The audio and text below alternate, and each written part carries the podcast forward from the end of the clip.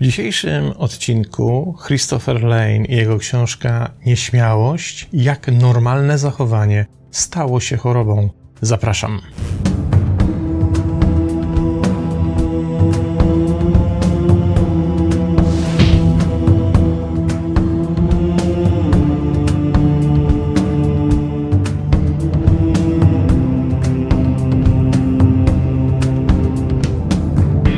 Zacznijmy od sprawdzenia, kim jest autor dzisiejszej książki. Christopher Lane wykładał humanistykę medyczną i historię medycyny na Northwestern University w Chicago, aż do przejścia na emeryturę w 2022 roku i pozostaje członkiem Uniwersyteckiego Centrum Bioetyki i Nauk Medycznych. Były stypendysta Guggenheima nagrodzony Prescribe Prize for Medical Writing. Publikował w New York Timesie, Washington Post, Boston Globe, Los Angeles Times, Chicago Sun Times, Slate Time, New Statesman oraz wielu, wielu innych gazetach i periodykach. Jest autorem sześciu książek, które zostały przetłumaczone na sześć języków, w czym niestety my się nie załapaliśmy. Żadna z jego książek nie została wydana w Polsce, Dzisiejsza, którą prezentuję, pochodzi z 2007 roku, czyli z okresu, kiedy dzisiejszy profesor emeritus był jeszcze w pełni aktywnym akademikiem i pracował na uczelni. Pan profesor Christopher Lane jest również stałym współpracownikiem Psychology Today. I zacznijmy od pierwszego fragmentu. W ciągu ostatnich lat Niewielka grupa samozwańczych amerykańskich psychiatrów doszła do nowego konsensusu. Uznali, że nieśmiałość i szereg porównywalnych z nią cech to lęki i zaburzenia osobowości. Pewien psychoanalityk ubolewał ostatnio przy mnie. Kiedyś mieliśmy słowo określające osoby cierpiące na ADHD, mówił, nazywaliśmy ich po prostu chłopcami. Jednak jak z zaskakującą nonszalancją wyjaśniają współautorzy książki Przewodnik po fobii społecznej, nie jest jasne, gdzie kończy się nieśmiałość, a zaczyna fobia społeczna. Bo w sumie każdy ma jakieś objawy lęku społecznego. Ale ci sami ludzie, wypowiadając się na ten temat, jedno pokolenie temu mogliby utyskiwać, od każdego można oczekiwać, pewnej dozy nieśmiałości. Tymczasem Psychology Today nazwał fobię społeczną zaburzeniem dekady, a szacunki całkowitej populacji w USA cierpiącej na nią wkrótce wzrosły z 3,7% do 18,7%, najwyraźniej czyniąc ją trzecim najczęściej występującym zaburzeniem psychiatrycznym które na liście najczęstszych ustępuje miejsca tylko depresji i uzależnieniu od alkoholu. Dla wielu psychiatrów i pracowników służby zdrowia, pisze dalej pan profesor, nieśmiałość jest obecnie jednym z aspektów prawdziwej choroby. Podobno prawie rywalizuje z depresją pod względem częstości występowania, na którą co roku realizuje się prawie 200 milionów recept w samych tylko Stanach Zjednoczonych i najwyraźniej stała się już pandemią. Jak doszliśmy do tego punktu? Czy psychiatrzy przez dziesięciolecia byli naprawdę ślepi na wyniszczającą chorobę trapiącą miliony ludzi? A może wpływowi psychiatrzy współpracujący i często przez nie sponsorowani z firmami farmaceutycznymi nagłośnili problem, który wciąż dotyka zaledwie niewielki procent ludzi w każdym kraju? Nieuniknionym wnioskiem jest to, że tak drastycznie zawęziliśmy zdrowe zachowania, że nasze dziwactwa, normalny zakres emocjonalny wieku dojrzewania i dorosłości stały się problemami.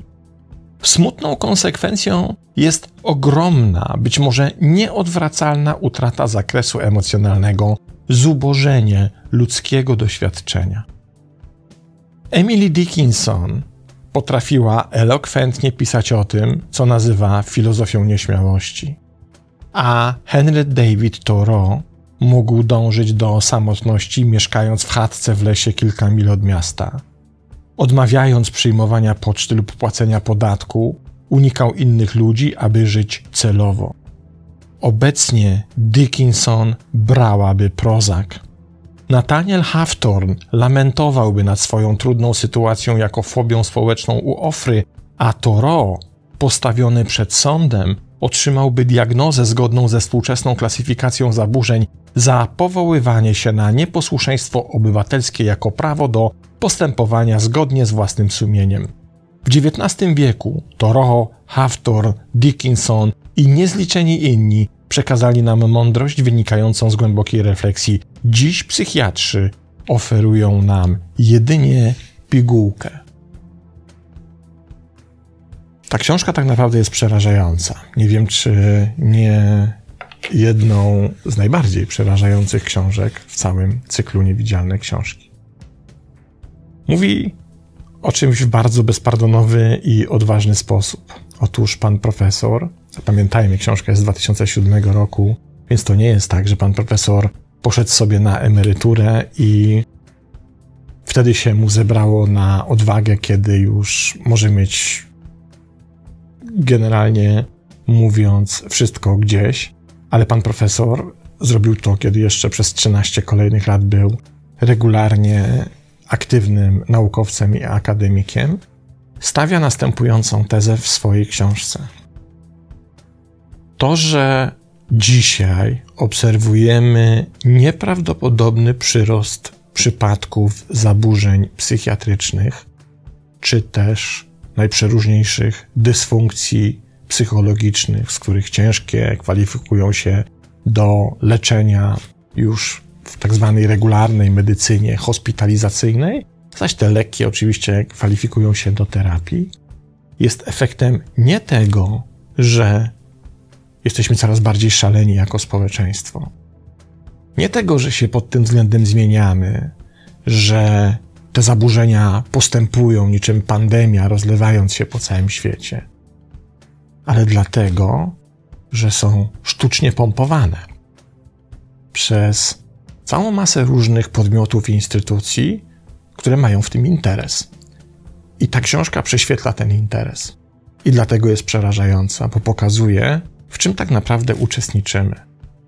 Pokazuje to, że w ciągu ostatnich trzech dekad, a właściwie w zachodnim świecie jeszcze od dłuższego czasu, słowem, które zrobiło największą karierę w tym kontekście i w tym obszarze, jest angielskie słowo disorder, czyli zaburzenie, zaburzenie osobowości, personality disorder.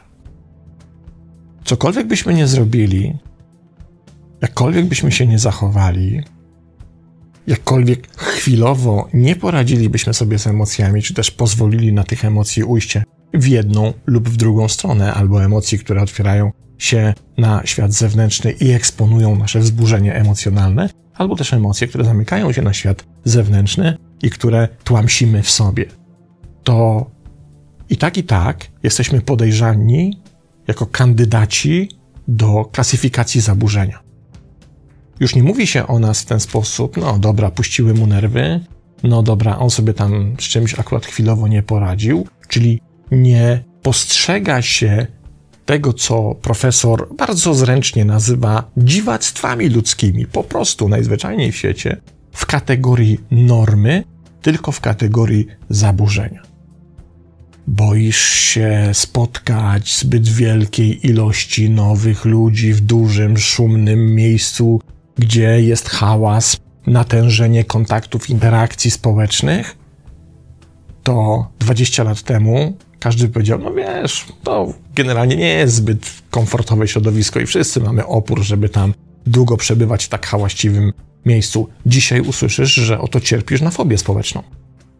To, co jeszcze 20 lat temu było rodzajem postawy, niechęci, było rodzajem może pewnych cech charakteru, ale nie było traktowane jeszcze w kategoriach medycznego zaburzenia, dzisiaj już jest zaburzeniem. I to nie tylko w kontekście tego, że ktoś tak o tym myśli czy też mówi, ale są konkretne klasyfikacje zaburzeń, które starają się to opisywać. To jest niezwykle ważne, żebyśmy zwrócili na to uwagę. żebyśmy myśląc w kategoriach tej mody na disorder, tej mody na zaburzenia, cały czas mieli z tyłu głowy to, że to nie jest tylko efekt rozwoju cywilizacyjnego i że my wszyscy zmierzamy ku przepaści szaleństwa. To jest efekt biznesu, efekt marketingu. I tego właśnie dotyczy ta przerażająca treść książki pana profesora. Posłuchajmy kolejnego fragmentu. Wbrew temu, do czego nas się przekonuje, nie ma mocnych powiązań pomiędzy zdrowiem a towarzyskością. I, co może być dla wielu bardziej zaskakujące, nie ma naukowej korelacji pomiędzy niskim poziomem serotoniny a depresją, lękiem lub zarządzaniem gniewem. Krótko mówiąc, przekonanie, że psychiatria i psychologia mogą ustalić precyzyjne powiązania między naszymi konfliktami psychicznymi a objawami fizycznymi pozostaje iluzją podtrzymywaną przez wprowadzające w błąd metafory takie jak nierównowaga chemiczna. Chociaż takie metafory dają neuropsychiatrom i ich opinii publicznej wrażenie, że rozwiązali zagadkę lęku, główne fragmenty pozostają, ponieważ są one specyficzne i nieświadome. Naukowcy nie lubią przyznawać się do tych luk w wiedzy, ponieważ przyzwyczaili się do myślenia, że istnieje biochemiczne lub genetyczne wyjaśnienie każdej cechy i domniemanego zaburzenia. DSM, tu krótkie wyjaśnienie DSM, to jest po prostu system klasyfikacji zaburzeń. Ten oficjalny, ten, którym posługują się psychiatrzy i psycholodzy, chcąc stwierdzić, z jakim zaburzeniem mamy do czynienia charakteryzował choroby na podstawie liczby i intensywności ich epizodów, zwykle postrzegając je jako napędzane różnymi cechami, ale jednocześnie te same dolegliwości w DSM-ie zaczęły wyglądać jak trwałe, a nawet wrodzone schorzenia. Choroby zaczęły definiować pacjentów zamiast pojawiać się jako zwykłe aspekty ich osobowości. A psychiatrom coraz trudniej było ocenić pełen zakres niepokoju ich pacjentów, Zmiany te są najbardziej widoczne, gdy skupiamy się na psychozie, ale różnica pomiędzy stwierdzeniem miałeś reakcję lękową, a cierpisz na lęk jest równie daleko idąca. Kiedyś leżące całkowicie poza domeną psychiatrów zwykłe zachowania, takie jak nieśmiałość, zaczęły pojawiać się w ich podręczniku jako zaburzenia psychiczne, które dotykają coraz większą liczbę populacji, Oznacza to, że w ciągu zaledwie 26 lat całkowita liczba zaburzeń psychicznych, które może wskazywać ogólna populacja, prawie się podwoiła. Jak komentuje ten zdumiewający wynik David Haley, skorygowane parametry samej depresji spowodowały tysiąckrotny wzrost pomimo dostępności metod leczenia, które miały wyleczyć tę straszną przypadłość.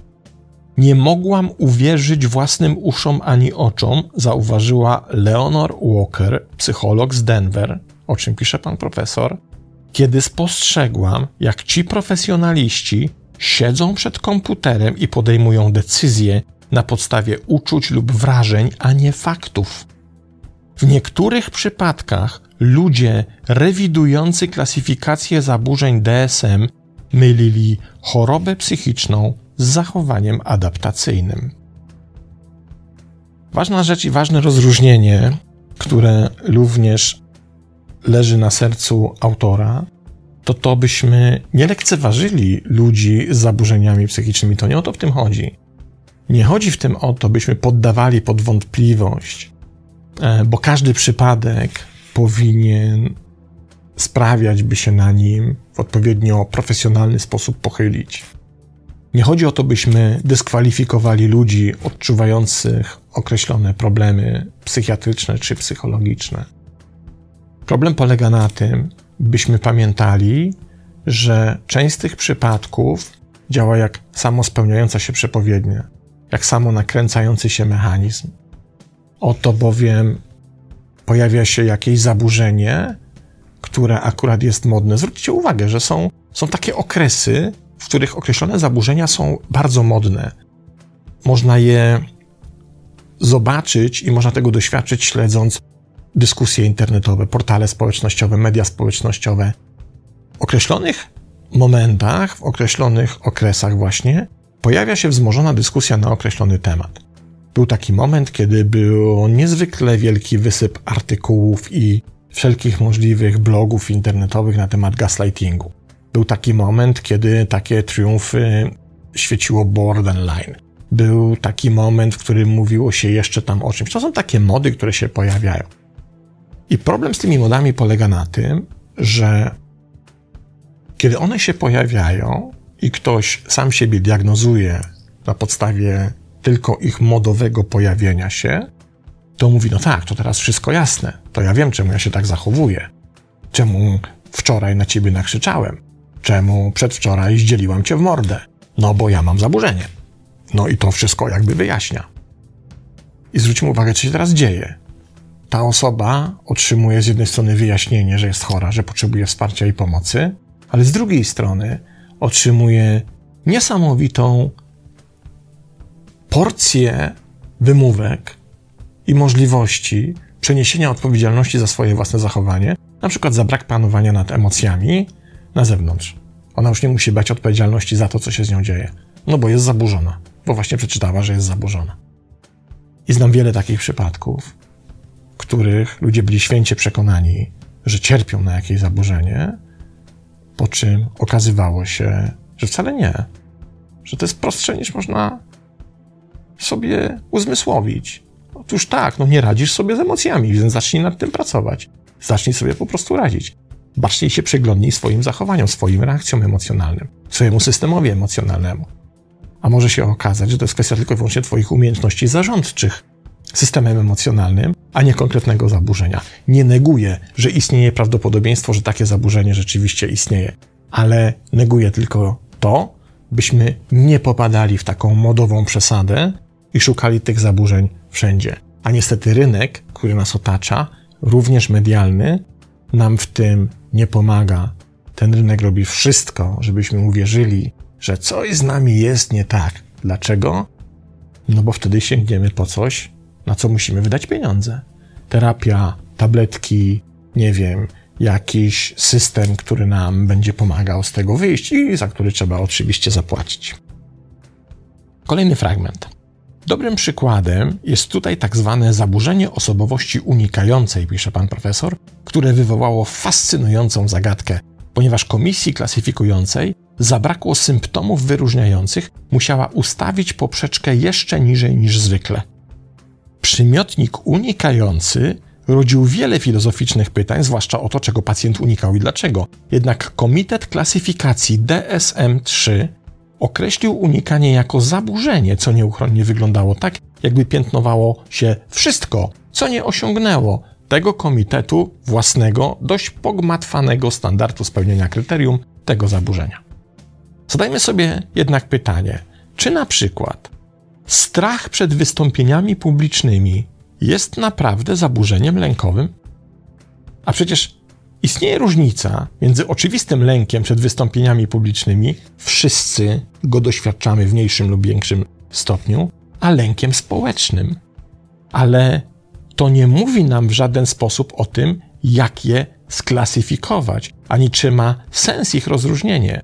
Jedynymi ludźmi, którzy w pełni pojęli implikacje tych wątpliwych klasyfikacji, byli badacze, którzy, jak się wydaje, odkryli kliniczną bonanzę zaniedbanej choroby oraz farmaceutyczni giganci tacy jak SmithKline Beckham, który wyczuł ogromną nową publiczność dla swojego niezbyt imponującego leku przeciwdepresyjnego o nazwie Paxil. W ciągu kilku lat firma ta, reklamując te same wartości procentowe, prowadziła masowe kampanie promocyjne zarówno problemu, jak i jego rzekomego rozwiązania w Europie, Ameryce Północnej i Południowej, na Bliskim Wschodzie i w niektórych częściach Azji pojawiły się reklamy, broszury i starannie rozmieszczone pakiety informacyjne w treściach wideo.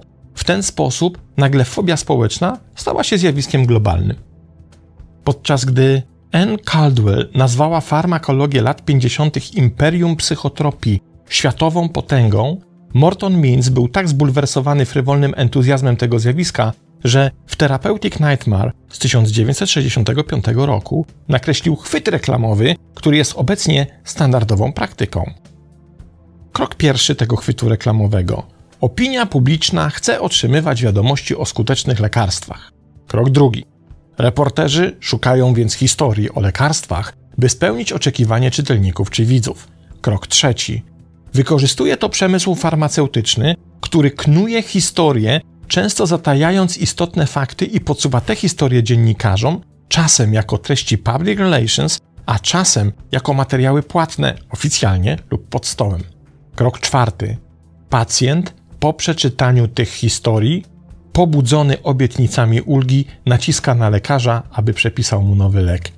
Punkt piąty. Lekarz przepisuje lek, bo za każdy przepisany lek firma farmaceutyczna potrafi się odwdzięczyć.